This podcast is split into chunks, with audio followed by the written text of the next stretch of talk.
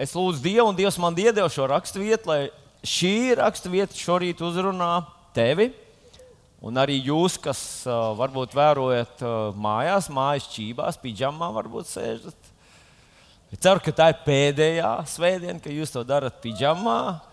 Jo jūs taču negribēsiet tiešraides no debesīm, vērot kaut kur pa vidu starp, uh, starp realitāti. Nu, tā tad, ko tad mēs te lasām? Mateja Evanģelijas 12. nodaļa, 38. pāns. Tad daži no rakstu mācītājiem un farizējiem atbildēja un uz to sacīja: Mācītāji, mēs no tevis gribam kādu zīmi redzēt. Bet viņš atbildēja un tiem sacīja: Ļaunu un laulības pārkāpēji cilts meklē zīmes, un viņai nekāda cita zīme netiks dota kā vien pravieša Jonas zīme. Jo kā Jona trīs dienas un trīs naktis bija lielā zivs vēdā, tā arī cilvēka dēls būs trīs dienas un trīs naktis zemes klēpī. Ninivieši celsies tiesas dienā pret šo cilti un to pazudinās, jo tie Jonam sludinot no grēkiem atgriezās. Un redzi, šeit ir vairāk nekā Jona. Un ķēniņiem no dienvidiem celsies tiesas dienā pret šo cilti un to pazudinās, jo tā nāca no pasaules gala dzirdēt Salamana gudrību Un redzi, šeit ir vairāk nekā Salamans. Nu, vispirms, mācītāji, mēs no tevis gribam kādu zīmi redzēt. Nu, es domāju, ka jūs kādreiz esat vērojuši vismaz televizora ekrānā, varbūt esat bijuši kaut kur cirka izrādē vai kaut kur kādā šovā, un tur kāds ilūziju mākslinieks pēkšņi izvelk no vienas kabatas trusu, no otras krokodīlu. Tad mm, atru, pēkšņi viņš ir uz zirga, un tad viņš ir tankā. Un, tad, no. un tu skaties, un it kā tu saproti, ka tevi māna vai ne? Bet tu gribi vēl, vēl ir kaut kāda tāda sajūta, ka ar to nav diezgan. Rādi vēl, rādi vēl. Nu, tā cilvēki iespējas, protams, ir ierobežotas. Cik viņam to papagailu ir kaut kur sabāztai uz vēl kabatās, vai, vai tas nav bezgalīgi. Bet, ja mēs runājam par Jēzu, ja pie viņa varēja atnākt rakstu mācītājiem, varizēm un teikt, mēs gribam kādu reālu zīmi redzēt, man tas šokēja.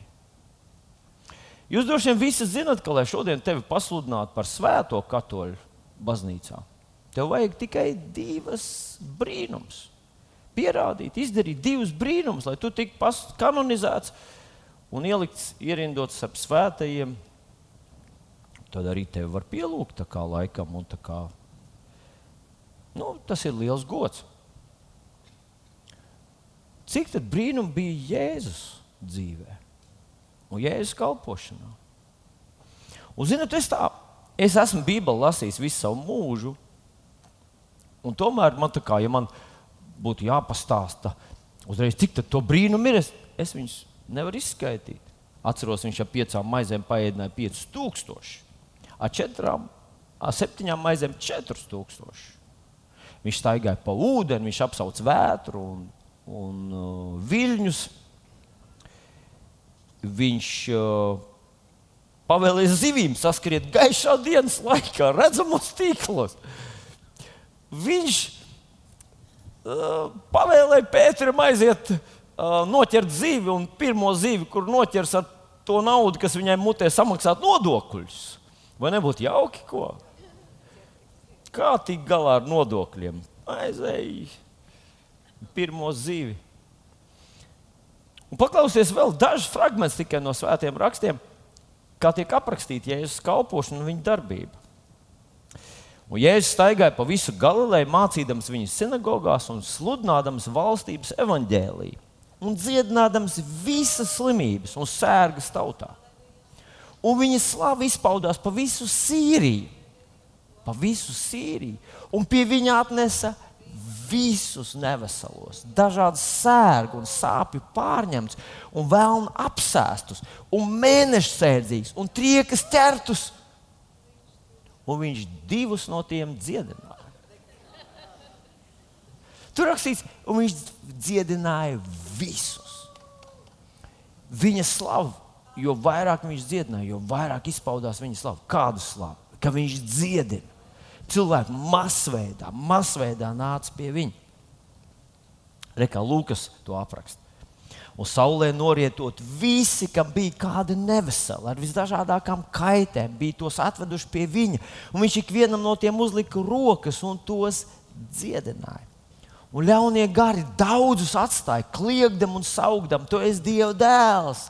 Bet viņš apsauc, neļāva viņiem runāt, jo tie zināja, ka viņš ir Kristus. Kādā gadījumā kad Jēzus tur darbojas un sludina, pie viņa atnāk Jāņa Kristītāja mācekļi un saka, vai tu esi tas, kam jānāk, vai mums būs citu gaidīt. Un Jēzus neatbild viņam veselu stundu. Un tie mācekļi uzdevuši jautājumu, tur stāv mūsu atsūtīja, ko mēs viņam pasakām. Mēs nezinām, veselu stundu. Tas, ja mēs iedziļināmies tajā rakstvietā un pameklējam oriģinālu tekstā, tur tas pateikts, ka apmēram stundu viņš neatbild viņiem. Ko viņš to stundu dara? Viņš pēc tam viņam saka, pagriežās pēc stundas un saka, ejiet un pasakiet Jānim, ko jūs redzat. Ko tad viņi redzēja? Akli un tīzli, spitāli, akli. Piedodiet, akli redz, tīzli iet, spitālīgi top šķīsli, kurli dzird, miroņi ceļas augšā, nabagiem tiek sludināta prieka vēsts. Kāpēc vajadzēja to pastāstīt Jānim? Tāpēc, ka tā bija aprakstīts, ka tā atnāks Mesija. Tā atnāks tas, kur Dievs bija solījis simtus un pat tūkstošus gadus pirms viņš patiešām atnāca Jēzus.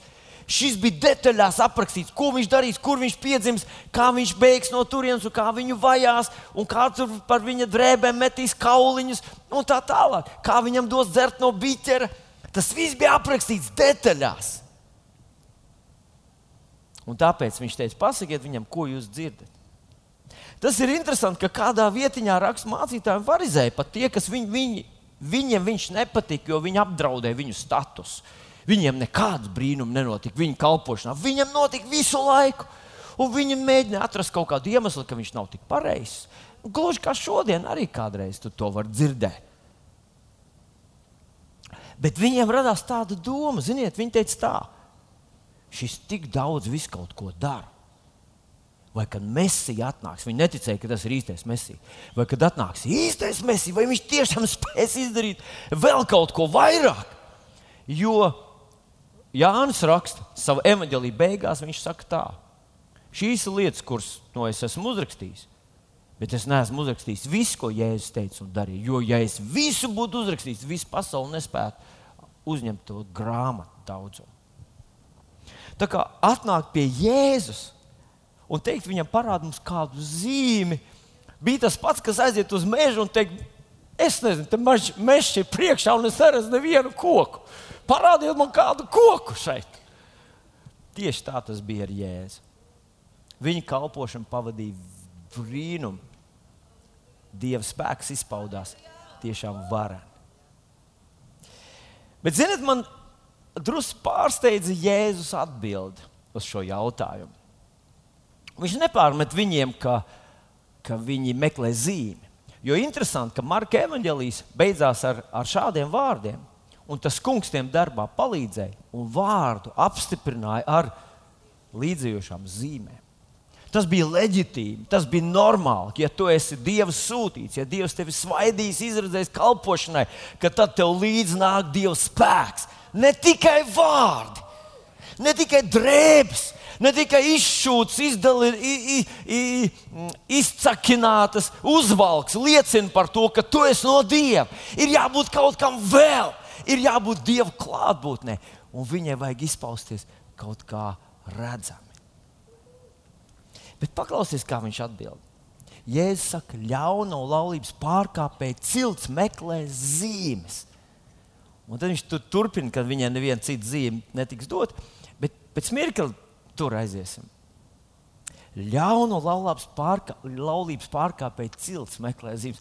Es iedomājos, nu, kā mums ir paveicies, ka mēs nedzīvojam tajā laikā, kad cilvēki bija ļaunu laulības pārkāpēji, vai ne? Nu, par to ļaunumu man ir tāds, tāds nu, tas mazliet tāds joks, protams, bet nu, tāds gadījums prātā nāk. par vienu pavisam viduvēju advokātu. Un vienā dienā viņam parādās vēlams un saka, tā, es tev piedāvāju darījumu. Es tev padarīšu par advokātu numur viens.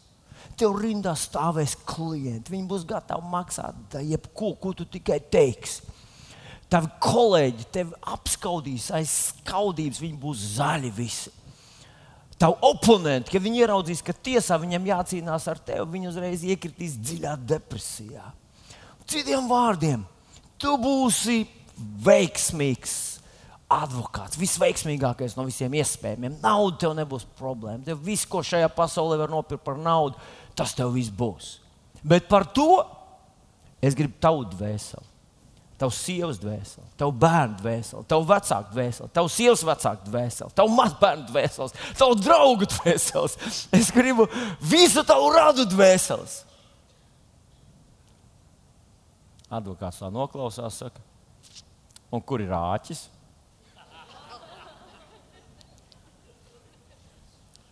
Ļauni vai neizklausās tā. Acīm redzot, toreiz tādi, tie cilvēki tādi bija. Bet es padomāju par mūsdienām, mīļie draugi, paskatieties. Iespējams, ka es esmu viens no mazāk izglītotiem cilvēkiem mūsu sabiedrības sakarā. Bet es domāju, šodien vēl nebūtu tā jānopūlās ar vienu advokātu. Viņam viss, viss tas jāsagāž virsū. Nu, padomājiet, mīļie draugi. Man liekas, ka gandrīz visi no mūsu kultūras spīdekļiem, tiem, kas mums māca, kā kultūrāli dzīvot, kā, kā svinēt, kā, kā būt īstiem, īstai tautai un īstiem latviešiem. Visiem tiem, kas raksta, nu ne visiem tiem, bet tiem, kas raksta mūsu lūgas, kas iestudē mūsu filmas, kas māca mūsu jauniešus, kas vada mūsu augstskolas. Lielākā daļa no viņiem bija tajos padomu laikos, kad, kad bija tās represīvās uh, nu, tās drošības struktūras, kas bija naidīgas tautai, naudi, naidīgas latviešiem un Latvijas zemē, kas izsūtīja mūsu inteligenci, izsūtīja nu, lielu daļu mūsu tautas, nevainīgs cilvēks. Lielākā daļa no viņiem bija tie, kas sadarbojās ar to, to autoritāro režīmu. Un ziniet, kas šo, es nesaku, ka visi, bet liela daļa. Un pat garīdznieki. Un ziniet, kādu šodien dzird kādu, kādu argumentu, nu, kāpēc viņi tā darīja. Nu, a, kā tad citādāk tajos laikos, lai tiek uz ārzemēm? Kā tu varēji citādāk būt par vadītāju kādā iestādē vai, vai, vai, vai, dar, vai par mākslinieku, cienītu mākslinieku, ja tu nesadarbojies ar to visu? Un tad man pēkšņi tas advokāts vairs nemaz neliekas tik ļoti ļauns.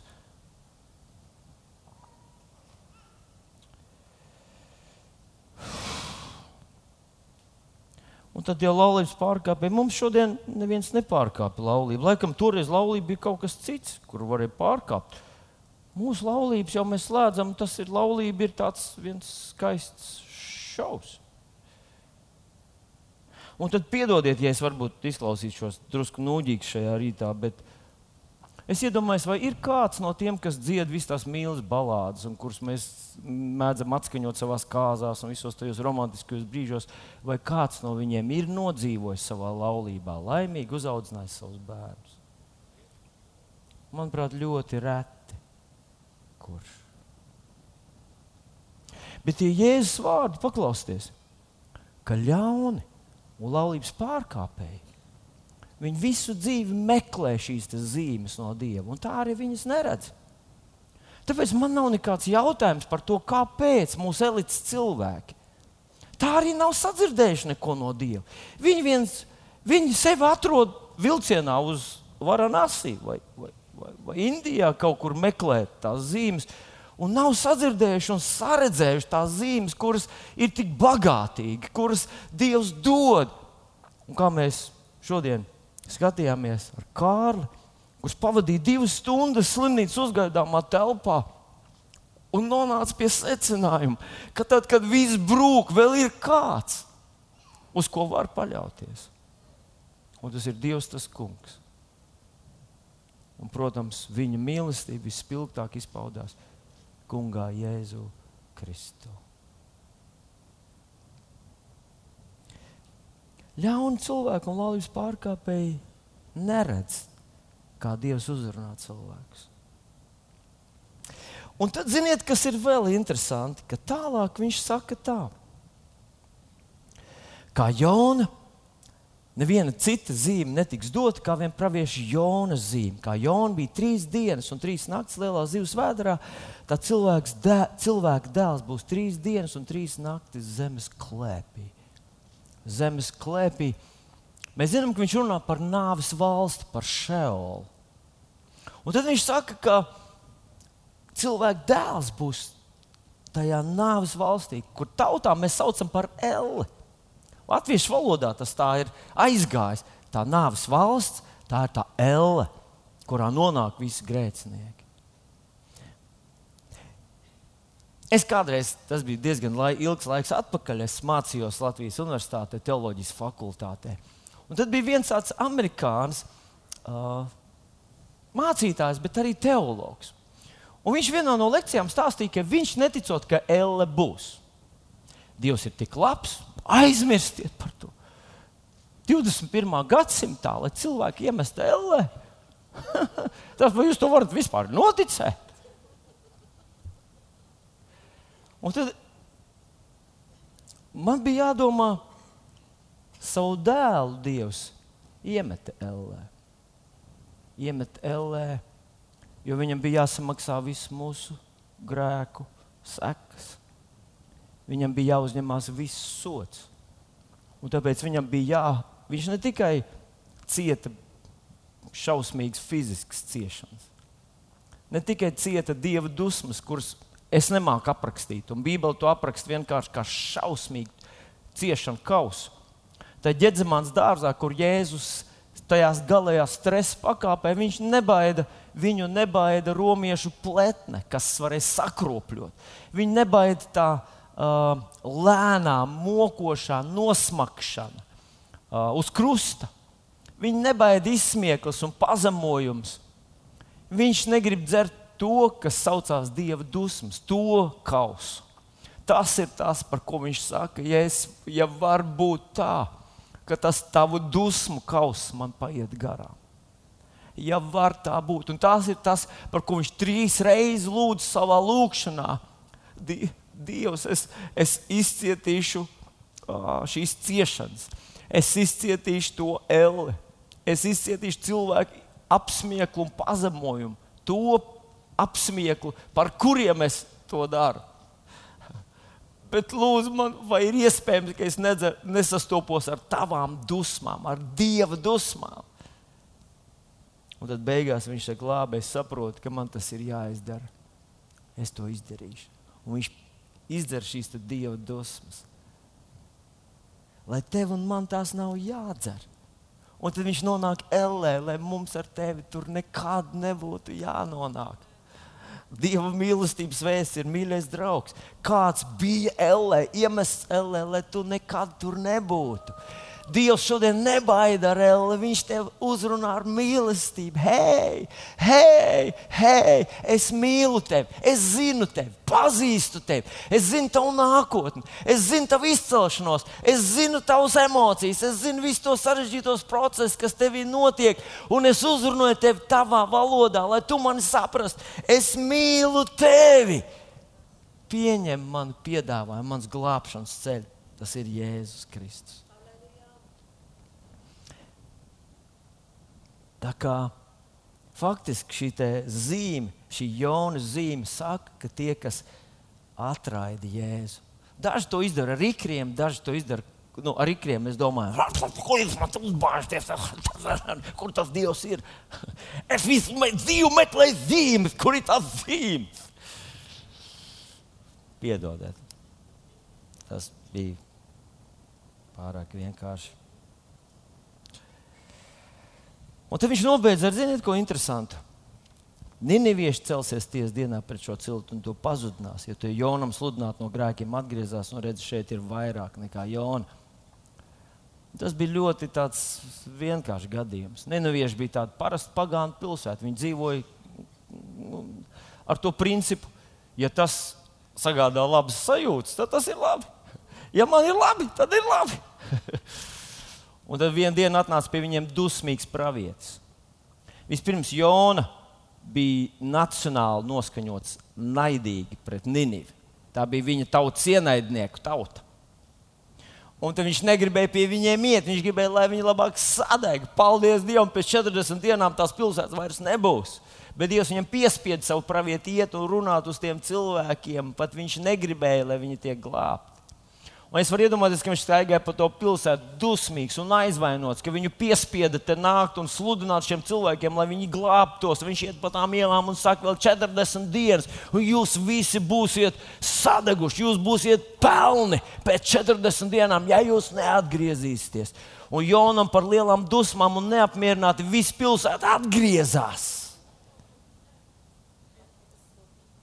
Vai tu esi saskars, tu pēdējo reizi saskāries ar cilvēku, kurš tev iebaks krūtīs un saka, šitāds kāds tu esi, tu ej uz elle. Un tu nevari sevi izglābt. Dari, ko gribi, lien no ādas laukā. Tu nevari sevi izglābt, pat ja tu ies klosterī. Tu nevari visu, tu esi bezgalīgi pazudis. Bet viņi toreiz atgriezās arī ar tādu sludināšanu. Atgriezās. Cilvēkā ir kaut kas, kas rezonē, kad viņš dzird Dievu vārdu. Un, ja tu saki, ka tevī tas vairs nerezonē, nu, neatsaucās, tas nozīmē, ka tu to vienkārši mērķiecīgi gadiem ilgi klusinājis, klusinājis, klusinājis, klusinājis. Un, ja tā atskan tevī, atsaucās tā atbalsts uz Dievu vārdu, tik ļoti klusa un vārīga ka tu to gandrīz vari nedzirdēt, mīļais draugs. Iespējams, ka ir palikušas vairs tikai 40 dienas. Ķēniņiem no dienvidiem celsies un tiesas dienā atnāks pret šo un pazudinās šo cilti, jo viņi atnāks no, no dienvidiem, dzirdēt Salamanu, un šeit ir vairāk kā Salamans. Salamans esot bijis pasaules gudrākais cilvēks, un Bībelē saka, ka neviens nav cēlies pēc viņa gudrāks. Un tomēr tas, ko šorīt tu dzirdi šeit, ir vairāk nekā salamāts. Varbūt tu gribētu kaut kādas pierādījumus, formulas, tu gribētu, lai te stāv kāds akadēmiķis un rāda tev un diagrammas un statistiku un tā tālāk, un pierāda tev, ka Dievs ir. Bet Bībelē neskaidrs, kāpēc ka Dievs to ir apslēpis gudriem un prātniekiem un atklājis to bērniem. Es esmu viens no tiem bērniem, kas pieņēma jēzu par savu kungu, kad man bija 11 gadi. Un manā dzīvē viņš ir palīdzējis bezcerīgās situācijās. Mēs esam redzējuši, kā Dievs pieskarās mūsu bērniem, kā izved mūs no strupceļa. Mēs esam redzējuši, kā Dievs atbild neatbildamās lietās. Vispār nu, tādās situācijās, ka tev liekas, ka nav izējas. Dievs izved tevi cauri, viņš ir uzticams. Un kad vēlāk tu saproti viņu vārdu, tad tu saproti, ka tu biji tas, kas viņu ierobežoja. Nevis viņš bija noguris vai aizņemts atbildēt. Un šodien šo stāstu es piedāvāju tev. Jāņem Evangelijas pirmajā nodaļā, 12, 13, ir, ir uh, rakstīta tāda vārda. Bet cik viņi uzņēma, tiem viņš deva varu kļūt par Dieva bērniem. Dievs neielauzīsies tavā dzīvēm neizgāzīs tavas dvēseles durvis ar kāju un neteiks, er, ko es atnācu, tavs glābējs. Viņš to parādīja ļoti labi savā dzimšanas stāstā, kad viņš nāca pazemīgs. Kad viņš ienāca pirms savas ciešanām, ienāca Jeruzalemē, viņš nāca pazemīgi. Tu vari viņu atraidīt. Tur tas lielais paradoks ka tas mazais cilvēciņš, kurš nevar dzīvot bez dieva, nevar dzīvot harmoniski, vai viņš var aizdzīvot līdz nāvei, jā, bet viņa cilvēka dzīvē pietrūkst piepildījumu, ja viņam nav šī saikne ar viņa radītāju, ar viņa mūžības, mūžības autoru. Cilvēks grib dzīvot mūžīgi, arī pat ja ir noguris un, un pazaudējis uh, spēkus kādas slimības rezultātā, mēs mūsos ir iekšā ielikt tā mūžība. Un tas noslēpums ir tāds, ka tu dzīvos mūžīgi. Tava eksistence nepārtrauksies. Pat ja tu gribētu to pārtraukt, tas vairs nav iespējams. Tu esi piedzimis un nu, tu dzīvos mūžīgi. Tikai kur tu dzīvos, kā tu dzīvos, ar ko tu dzīvos mūžīgi. Tas ir tas, ko mēs pieņemam šeit, dzīves laikā. Tu to nevari izdarīt pēc nāves, tas jādara šeit. Un jādara par žēlumu Bet tā tas ir. Tā tas Dievs ir iestādījis. Jādara tas ticībā. Ka tu to nevari pataustīt. Bet tu dzirdi vārdus. Dieva vārds, un tie atsaucas tavā sirdī. Tie atsaucas tevī. Un varbūt tavs prāts bremzē, un parasti prāts bremzē. Jūs zināt, Bībele ir interesanti. Viņa saka, ka mēs ticībā noprotam, ticībā mēs vispirms saprotam, un pēc tam tikai mēs nu, izprotam ar savu galvu. Tā tas ir. Kristus lietās, Dieva lietās ir tieši tā. Sirds iet pa priekšu. Un mēs zinām, sirds. Viņa nav muļķa. Žoržs kaut kā sāka dziedāt par to, ka viņam ir muļķa sirds, ka tikai nav sev nopravietojis. Sirds ir gudra. Prāts dažreiz at, a, a, bremzē. Bet šodien tu esi atnācis šajā zālē. Šajā draudzē ir apmēram tūkstots cilvēku. Kāds aizbrauc, kāds atbrauc, varbūt mazliet tas pamainās, kāds piedzimst, kāds aiziet mūžībā. Bet mēs esam apmēram tūkstots cilvēku. Un mēs esam, nu, es nevaru galvot par visiem, protams, bet absolūti lielākā daļa no mums esam pieņēmuši Jēzu par savu kungu, esam piedzīvojuši viņu un staigājam ar viņu visu savu nedēļu, no vienas svētdienas līdz nākamajai. Mēs esam liecinieki tam, ka attiecības ar Kungu Jēzu Kristu ir īstas un tās piedod cilvēku dzīvei dziļumu un stabilitāti. Un tu tās šajā rītā tu arī vari pieņemt Jēzu par savu kungu. Jo viņš ir vienīgais starpnieks ar Dievu un cilvēkiem.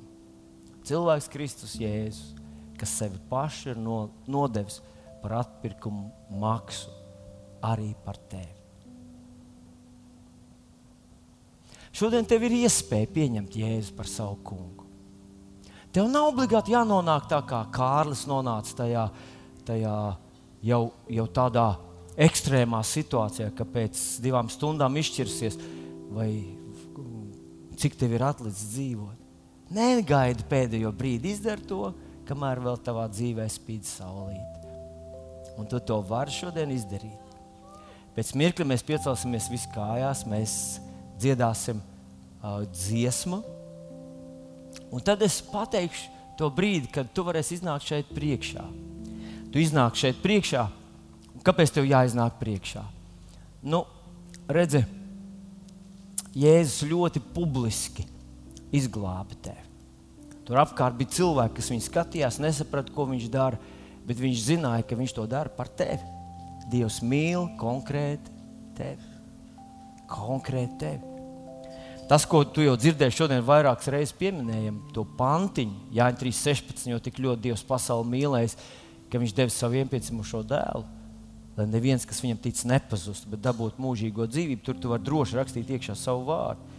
Jo tik ļoti Dievs vilni manā gadījumā mīlēja, ka viņš deva savu vienpiedzimušo dēlu, lai vilnis nepazustu.